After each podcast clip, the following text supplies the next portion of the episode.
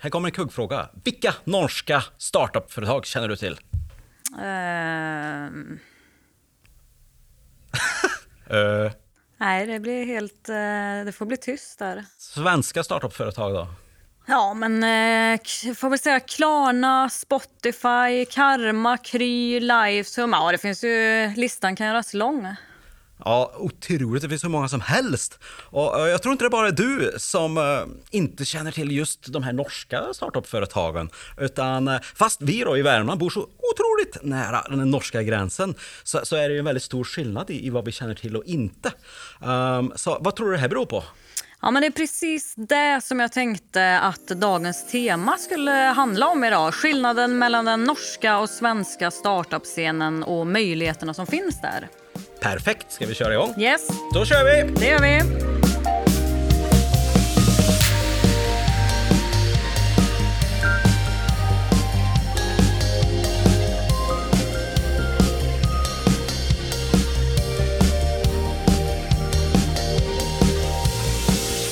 Varmt välkomna till Be Digital-podden. Och vi har ju två härliga gäster här idag. Det känns ju extra kul faktiskt. Ja, och jag tycker vi kopplar på dem här direkt. Välkomna David och Stefan från Explorico. Hej! Hej! Tack så mycket! Eller tusen tack för att vi fick lov till att komma hit, helt från Oslo. jag är uppväxt i Sverige så jag snackar svenska också, så jag slår över. Men ni får ursäkta om det kommer in ett litet norskt ord här ibland. Det är helt okej. Ja. Och jag är svensk, men jag bor i Norge. Sen 1986 egentligen, mer eller mindre. Men David, kan inte du berätta, börja berätta, vem är du och vad gör du för något? Ja. eh, Jag heter David Holm och eh, jag är ekonom eh, i botten. Eh, Jobbat i it-branschen i stort sett hela mitt vuxna liv. Jobbat för en del stora eh, it-bolag. Eh, Jobbat med management consulting inom digital transformation också nu de sista åren. Um, och det jag har jobbat med ja, de sista fyra, fem åren kan man säga, det, det är vad man kallar för venture building. Um, att man då tar en idé, det kan vara inne i ett stort företag, eh, och gör om den då till någon form för, för tjänst eller produkt då, eh, som man sen skalar upp och går ut med. Um, och sen märkte vi fort att uh, de här processerna gäller ju också för att starta företag. Så uh, jag bröt ut för tre år sedan uh, och startade det här bolaget som vi har nu, som heter Explorico, som hjälper startups att bygga sina företag. Så nu kallar vi oss själva inte för venture builders, men för company builders. Det, processen är lik, men det är att bygga företag från scratch. Och det gör vi från Oslo eh, inom digital, eh, digitala bransch, eh, branscher. Primärt då innanför vad vi kallar emerging tech. Och Stefan då, vem är du? Eh, en autodidakt, självlärd, notorisk eh, entreprenör. Har jobbat i stora företag, små företag, startat massa företag hela mitt liv. Så att, eh, och har känt David här i, vad blir det, nästan 30 år. Jag är väl kanske då inte den välutbildade av oss, men Eh, jag har gjort alla fel som går att göra och kommer att göra många till. Men det är hög lärekurva på det. Vi är tre partners eh, som startade det tillsammans eh, och några anställda i tillägg. Så vi är ett litet företag, sex stycken totalt. Eh, Så ser det ut. Och jag tror inte vi kommer bli så jättemånga fler heller i förhållande till det vi håller på med.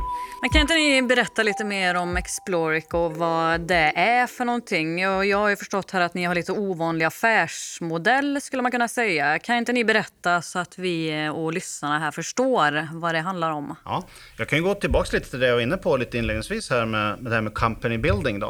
Eh, de flesta vet ju inte riktigt vad det är, men det låter ju på namnet vad det är egentligen, att man bygger företag. Man är ju van då eh, att placera in eh, sånt som måste antingen inkubatorverksamhet eller en acceleratorverksamhet eller som ett riskkapitalbolag. Det vi säger att vi gör, det är att vi är med hela vägen. Så, så fort det kommer en entreprenör då som kanske har en idé, innan han ens har ett företag eller hon har ett företag, då kan de komma till oss. Eh, och så är vi med dem och, och tar dem i handen och hjälper dem igenom hela den här resan. Från företagsetableringen till ibland sätta ihop ett team, utveckla det man kallar för en MVP, minimum viable product. Eh, vi har varit med i flera eh, miljöer där vi har satt in dem då i en inkubatormiljö eller coworking space. Vi har hjälpt dem att söka in hos acceleratorer och vi hjälper dem att hämta kapital. Så att det är hela resan, både före och efter. Um, och det vi inte har som en strategi, det är vad vi kallar för exit-strategi. Alltså, nu ska vi sälja våra aktier som vi ofta tar i de här bolagen efter x antal år. Det har inte vi gjort. Uh, men när det är sagt så har vi varit inne i ett 40-tal företag uh, och gjort fem exits redan. Så det är lite roligt. Fantastiskt kul. Och ni gör ju det här inom området emerging tech. Ja. Så vad, vad, Stefan, vad skulle du förklara här för lyssnarna? Vad, vad handlar det om egentligen? Emerging tech är egentligen all ny digital teknologi. Eh, spänner från då big data, big data-analys över maskinläring, AI, blockchain, IoT, allt det du kan tänka dig, alla de här buzzworden som finns idag, men det bygger egentligen på att man då kan samla stora datamängder och göra någonting vettigt med dem. Men vad är anledningen till att ni inriktar er just mot det här då? Eh, huvudanledningen är att det ligger ju väldigt mycket potential i att skala lösningar som använder sån här teknologi. Så att när man väl har fått det att funka, då skalar det otroligt fort. Eh, I tillägg till det, när man kombinerar flera emerging tech, då blir det exponentiellt. Så till exempel då, om man ser på Big Data Analytics som Stefan nämnde, så går det väldigt mycket på att samla in stora, stora mängder data, analysera den här datamängden. Men det är klart att ska man kunna analysera den så måste man automatisera analysen. Och det gör man genom att använda machine learning eller AI. Och när man kombinerar de här två teknologierna då, då blir det som i kubik kan man säga, att det drar iväg exponentiellt och blir en jätte, jätte uh, skalbar lösning. Va? Det är det första. Det andra är att det inte är så jättemånga som håller på med det här ännu. Så att vi får vara, om inte själva så har vi väldigt få andra som oss. Och det tycker vi är roligt än så länge. Då blir lite nyfiken då, eftersom ni är just Sverige-Norge-experter här. Uh, vad är då anledningen till att Lise inte kan droppa ett enda norskt startup-företagsnamn här som ni hörde i inledningen? Och, och i princip inte jag heller. Så att, eh, uh, vad, vad, är, vad, är, vad är anledningen till det tror ni? Och kan ni ge oss några exempel så vi bara får för de måste ju finnas, eller hur? Mm, absolut, det är klart att de gör. Uh, det är så att i Norge så har ju vi varit lite lata Eh, för i Norge så har vi massa pengar uh, från oljebranschen. Och det är klart att när alla de här pengarna kommer in uh, utan att man behöver göra något, då blir det ju så att eh, det här med startups, det blir så här icing on the cake kan man säga. Det är, det är lite roligt extra som man kan göra när man har tid. I Sverige så, så har det här varit en tradition där man har hållit på väldigt länge. Man har, man har en 200-årig industrihistoria. Så det finns en kultur, det finns massa företag och det finns serieentreprenörer som har gjort det här flera gånger och, och gett tillbaka in, in i ekosystemet. Då. Det har vi inte i Norge än. Så det, det, är en orsak. Den andra orsaken tror jag också här är, är att i, i, Norge så, så har vi ännu inte byggt ett ekosystem på samma storlek eh, som i Sverige. Va? Eh, däremot så har det varit corporate building. Då. Många av de här startupen som vi snackar om i Sverige har inte varit startups i Norge. Det har, det har, det har varit stora företag som själva har spunnit ut grejer. Va? Så att det finns jättemånga stora företag som har kommit ut ur andra stora företag och etablerat sig, som till exempel Tandberg. Uh, Tandberg har ju varit en innovationshubb för massor med andra startups som har, som har växt ut därifrån och man har blivit väldigt bra på video. Uh, till exempel så har vi Hadley, uh, som är ett företag som har kommit ut ur Tandbergmiljön. Tandberg var ett företag som är värt flera hundratals eh, miljoner dollar och kanske till och med miljarder. Så att det är ju till och med en unicorn. Uh, vi har Gelato, uh, som är ett Airbnb för printers. Inte så många som har talas om, på väg att bli en unicorn idag. Eh, där man helt enkelt tar vara på alla printrar som finns där ute och låter, låter det resource-dela. Så att din, där finns det en nära printer. Dit kan gå och få ut printat eh, dokument till exempel. Då. Så det, det, är ett exempel. Ett annat exempel är ni har säkert talat om SharePoint. Eh, och SharePoints sökmotor är ju en norsk teknologi som står bakom som heter Fast Search and Transfer. Också känt som Bing, om ni talar om Bing. Det är norskt och det finns kvar idag. Så att hela utvecklingen hos Microsoft som köpte upp det här ligger fortfarande i Oslo. Men det är inte så många som vet. Så det finns mycket teknologi eh, och det finns eh, mycket kompetens innanför vissa områden. Då. Och man kan väl säga att det finns sju vertikala områden där Norge är bäst i världen. Uh, och det vi väljer att göra det är att jobba mycket runt de här sju vertikalerna och startups som håller på med det, bland annat video. Ja, men kan inte du berätta lite om de här, eh, eller berätta om de här områdena inom tech som just norska bolag är duktiga på? Mm. Det är ju lite grann de här sju vertikalerna som jag nämnde då. Uh, primärt video, men vi är också väldigt bra på sound. Uh, och det går ju på signaling. Eh, och det här är ju, det är ju väldigt mycket seismisk data som kommer från, från Nordsjön. Igen, tillbaka till olja och gas. Då. Det är klart att när man pumpar mycket olja så bygger man mycket kompetens i teknologin runt det här. Eh, och igen så har det här blivit en helt egen industri med massor med startups som håller på med, med, med, ljud. Så det är ett exempel. Sen har vi då tillgången till öppna data runt eh, bygg, bygg till exempel. Så att teknik, teknikföretag som, som kan hämta data och göra någonting med det eh, har också blivit väldigt hett i Norge. Till exempel Spacemaker, eh, som, som går på, det på norska kallas för byplanering. Att man utvecklar hela städer på grund av den datamängderna som, eh, som kan hämtas. Det är ett exempel. Unlock eh, är ett bolag som är på väg in nu, som har gjort en automatisk eh, låstjänst. Massor med byggtekniska företag som har växt ut ur det här också. Och så finns det många exempel. Det som kallas för proptech på slangspråk. Kan, kan, du nämna några eh, företag som just Exploric har investerat i som du tycker är mest spännande? Eh, vi har ett företag som är ganska kul som heter Hidden som då bygger på att eh, det är ett samarbete som vi då hjälpte till att få till med Telia i Norge utifrån att då man får då som mobiloperatör ganska mycket kritik för att man då passiviserar människor. Det här företaget har då samlat in norska folkhistorier och gjort en kombination då av eh, en kulturhistorisk databas och eh, då eh, kartdatabas. Så att det innebär att man kan då se de här gamla historierna ute i naturen, men du måste gå dit. Då får du upp AR och VR-upplevelser på din mobil. Så det är ett företag vi har varit med och jobbat med. Och, eh, Bid Digital inriktar ju sig just eh, med fokus på besöksnäringen väldigt mycket just nu. Så mm. det hänger ju verkligen ihop med det. Det skulle man verkligen kunna ja, använda i Sverige också på många ställen och hitta hidden, jag antar, ja. liksom gömda skatter som finns ute i, i naturen. Och, och i, i, landet. Och I det här fallet så var det ju då folkhistorier då, eh, som, som man först då var tvungen att samla in. För att vi, det är klart, vi känner ju inte till alla de här historierna. Så det, det vi gjorde tillsammans med Telia då, i det här fallet var att Telia hade ju ändå en budget eh, på att gå ut och marknadsföra eh, någonting för att aktivera ungdomar. Då. Eh, det var faktiskt 30 miljoner kronor de skulle lägga på att köpa den här reklamen. Eh, och då använde de, valde de Hidden som ett exempel då, på hur man skulle kunna komma ut i naturen och göra det här. Och då uppfordrade vi då till en, till en insamlingskampanj där man fick skicka in en lokalhistoria då, från sitt närområde. Uh, och vi fick ju in flera tusen historier faktiskt som vi har lagt upp nu då och geopositionerat. Och sen har, sen, sen har man också då gått ut och då jobbat ihop med olika historielag som finns då lokalt överallt. Då. Och också då de, utifrån det att de här gamla historierna försvinner ju. Det är den gamla farbrorn på bänken som sitter och kan mm. återberätta det här, men sen så drar de här historierna iväg. Och de första sättet med historier var vi faktiskt med Hidden uppe på Svalbard och eh, låste in i valvet i gruvan där uppe. Därför att gruvorna på Svalbard ligger i permafrost, så man räknar med att det man gör faktiskt är ett annat då eh, kult norskt företag som vi inte har varit så involverade i, som heter Pickel, som då faktiskt tar och lägger data på fotografisk film. Så då tar man och lagrar det här på fotografisk film och så stoppar man det i kassetter och sen så lägger man in det då i permafrostvalvet. Då, som är... Tusen års garanti. och vi hade med oss eh, två andra företag från Europa när vi var där uppe. Det ena var European Space Agency, det andra var Vatikan, Vatikanstatens bibliotek. Så det var ju ganska intressant.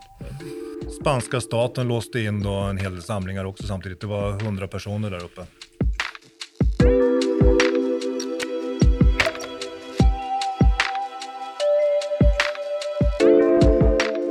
Jag tänker just på att Värmland vill ju gärna profilera sig som eh, ett historieberättande län. Och det här kanske är någonting vi ja. skulle kunna kombinera de historierna med, med, digital teknik på ett spännande sätt också. Eller vad tror ja, du? också som du säger Stefan, det är också ett fantastiskt sätt att faktiskt bevara historier på. Och det mm. vet jag att de pratar mycket om nu här i coronatider. Hur kan vi bevara de här storiesarna som vi bygger upp kring det som har hänt den här våren? Precis. Så det finns det säkert alla möjligheter här.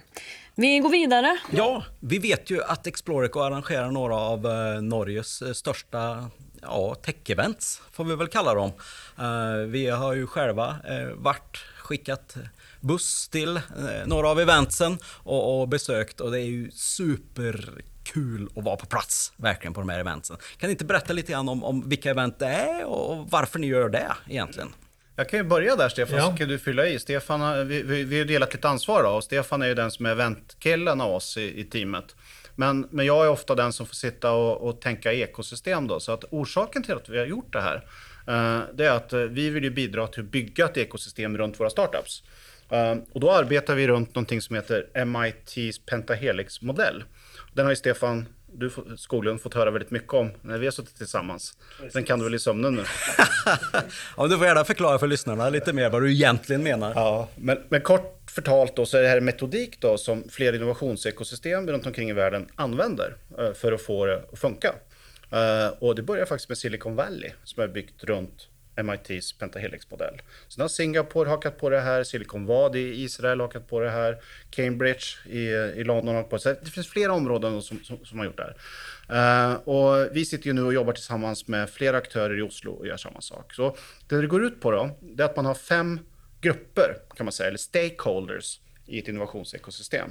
Och det som är viktigt då, det är att identifiera de här fem uh, och få dem att samverka. Ehm, och de här fem är då primärt då startupsen själva, innovationen. Ehm, nu säger jag att det är startups som håller på med innovation, det är givetvis andra också, men vi ser en klar trend då från stora företag till mindre företag eh, nu på, på innovationssidan.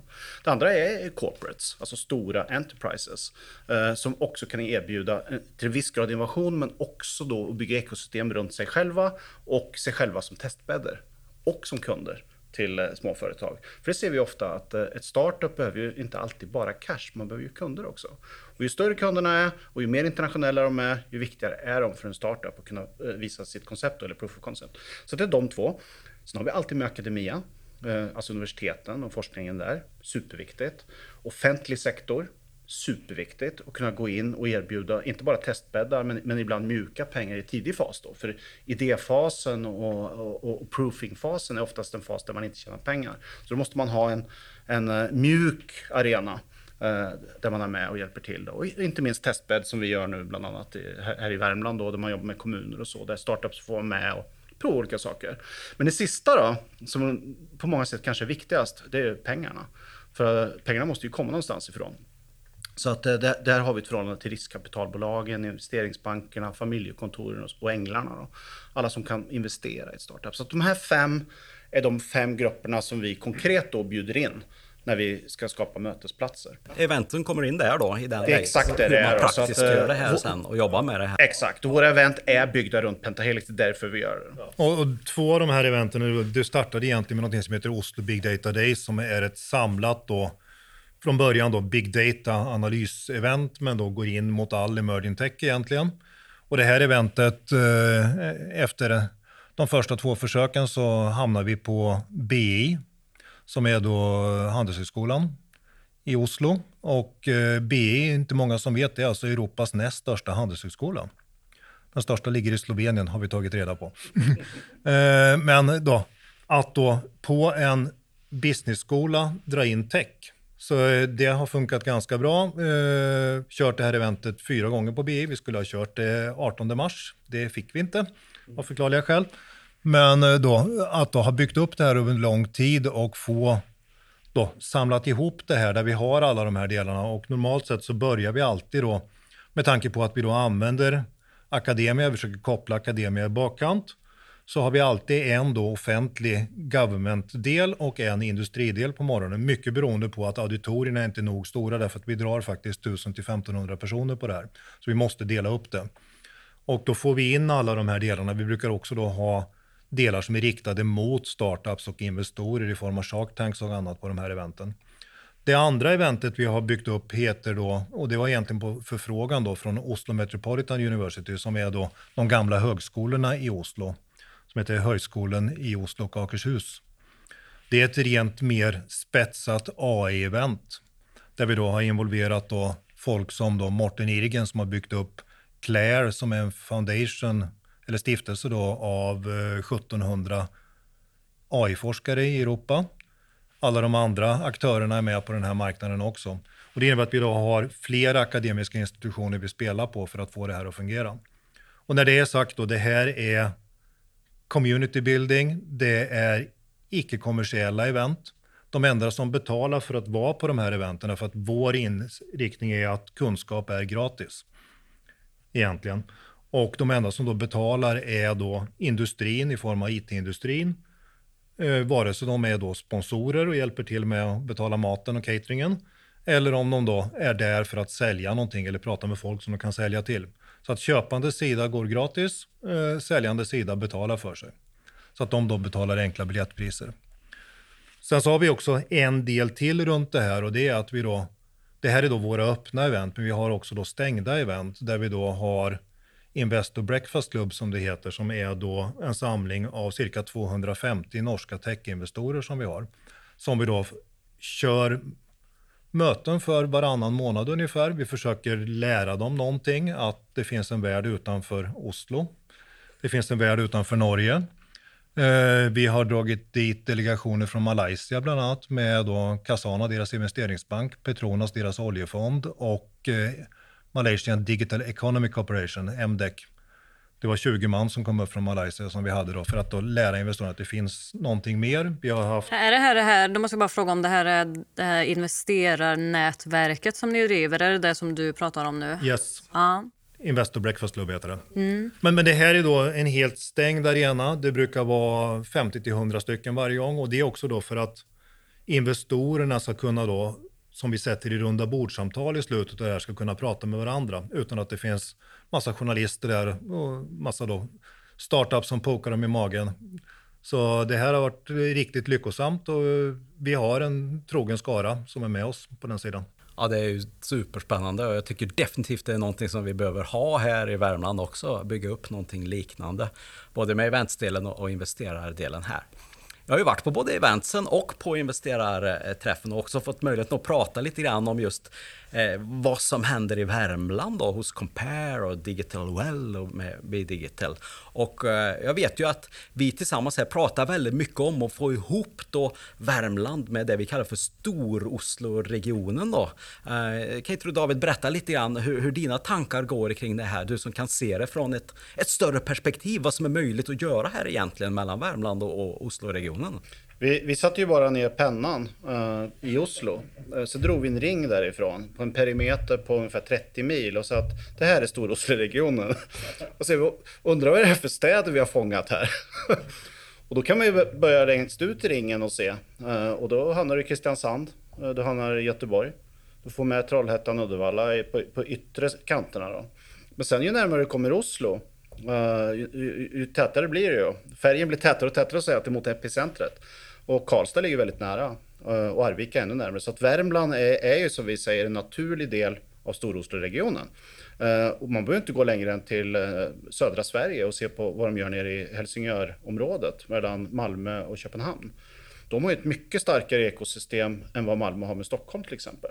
Till, till Sveriges riksdags stora förfäran skulle jag nästan vilja säga. Det är jättemycket handel som går där som inte de har någon som helst form för kontroll på. Sen har du Stockholms eget ekosystem. Det, det drar sig ju ut ur Stockholm men går inte över några landgränser. Drar du till Finland så ser du ju på Helsingfors och eh, Estland och de andra eh, eh, baltiska staterna. Så att här är det ju ekosystem all over så att säga. Men Oslo-ekosystemet har ju inte varit lika tydligt som de andra fyra. Eh, så det är det vi försöker trycka lite på nu, för vi tycker att det är helt naturligt att, att det ska finnas där. Och, och tittar man då på antal invånare så är vi faktiskt lika många som de andra ekosystemen. Vi snackar om nästan 4 miljoner människor innanför den här ringen. Så här måste vi kunna göra något, tycker du inte det? Absolut. Ja.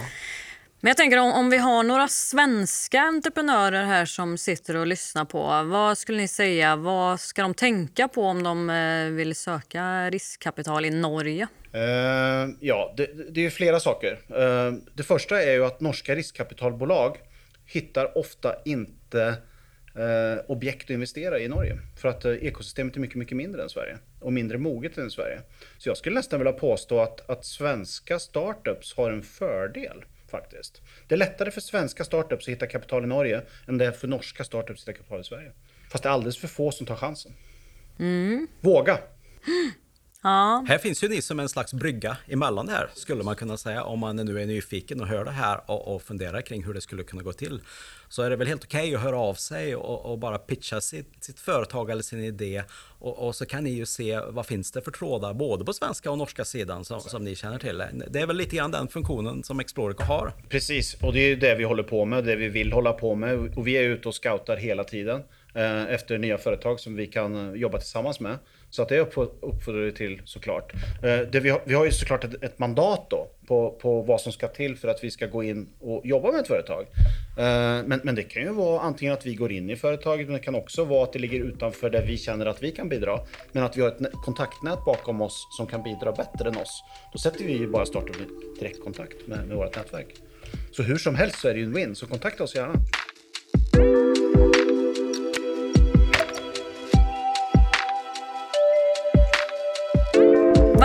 För spännande saker här framöver nu då? Vi har en, eh, det första fysiska eventet som vi då har fått styrelsen i Oslo Metropolitan University att godkänna är 3 november. Då blir det AI-event igen. Och innan Äntligen. Dess, äntligen ja. Men då med de restriktioner som gäller utifrån idag, att vi får ha 200 människor samlade. Då samlar vi 400. Därför att Oslo Met är uppdelat då mitt i centrala Oslo på olika sidor av Pilesträdet, heter gatan. Så att vi lånar ett auditorium på ena sidan och ett på andra sidan och sen så mixar vi inte de här 400. Men sen så får vi se vilka regler som gäller i november, det vet vi inte.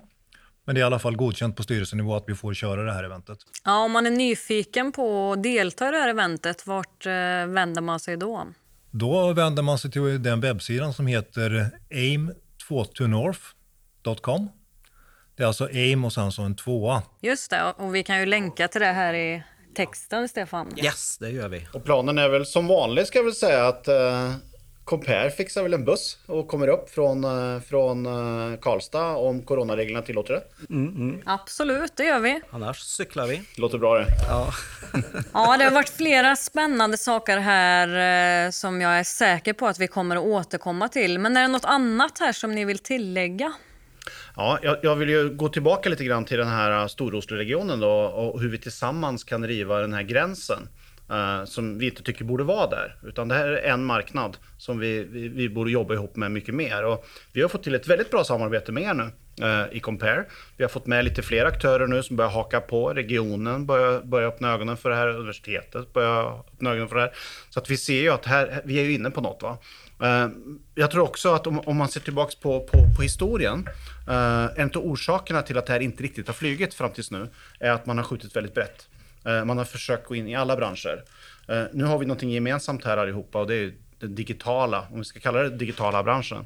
Och jag tror att vi, om vi kan använda det som, som framework, då tror jag att då, då har vi det som ska till för att få till det. Och jag, jag tror det går bra därför att lite då av det jobbet som vi gör i Oslo är att norska startups gärna åker till då, de startar i Oslo, åker till Stavanger, Bergen och Trondheim. Allt ligger egentligen utanför den här perimetern. Det är mycket närmare att åka till Karlstad eller till Arvika.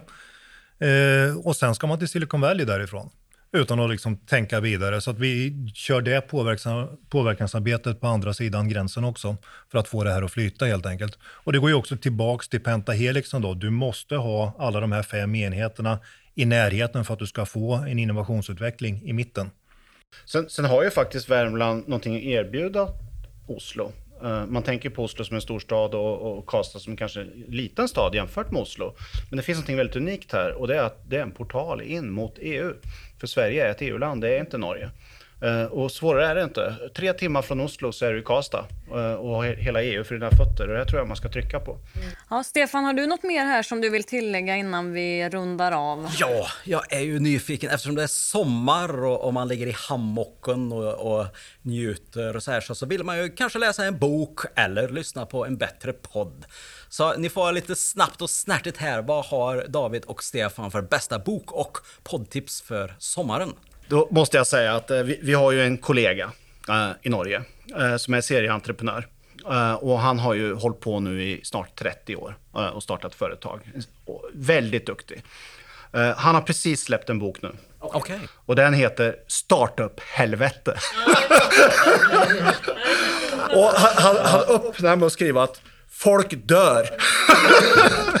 och det är väldigt beskrivande för, för resan som man ska igenom, för att det är inte för alla.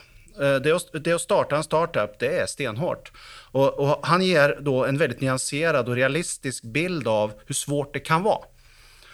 Eh, läs den. Den är superbra. Startup-helvete. Författaren heter Nicolas Prytz. Nikolaj Prytz. Det får vi lägga på listan. Stefan, har du något tips? Nej, kanske egentligen då lyssna in sig på diverse norska podcaster. Det finns mycket AI. Vi har ett par medlemmar av vårt advisory board. Eh, Jan Solly Storehög eh, räknas som då, han är gammal IT-man eh, och har gjort massa saker, pratar mycket om allt det som är AI-relaterat. Det är ganska bra.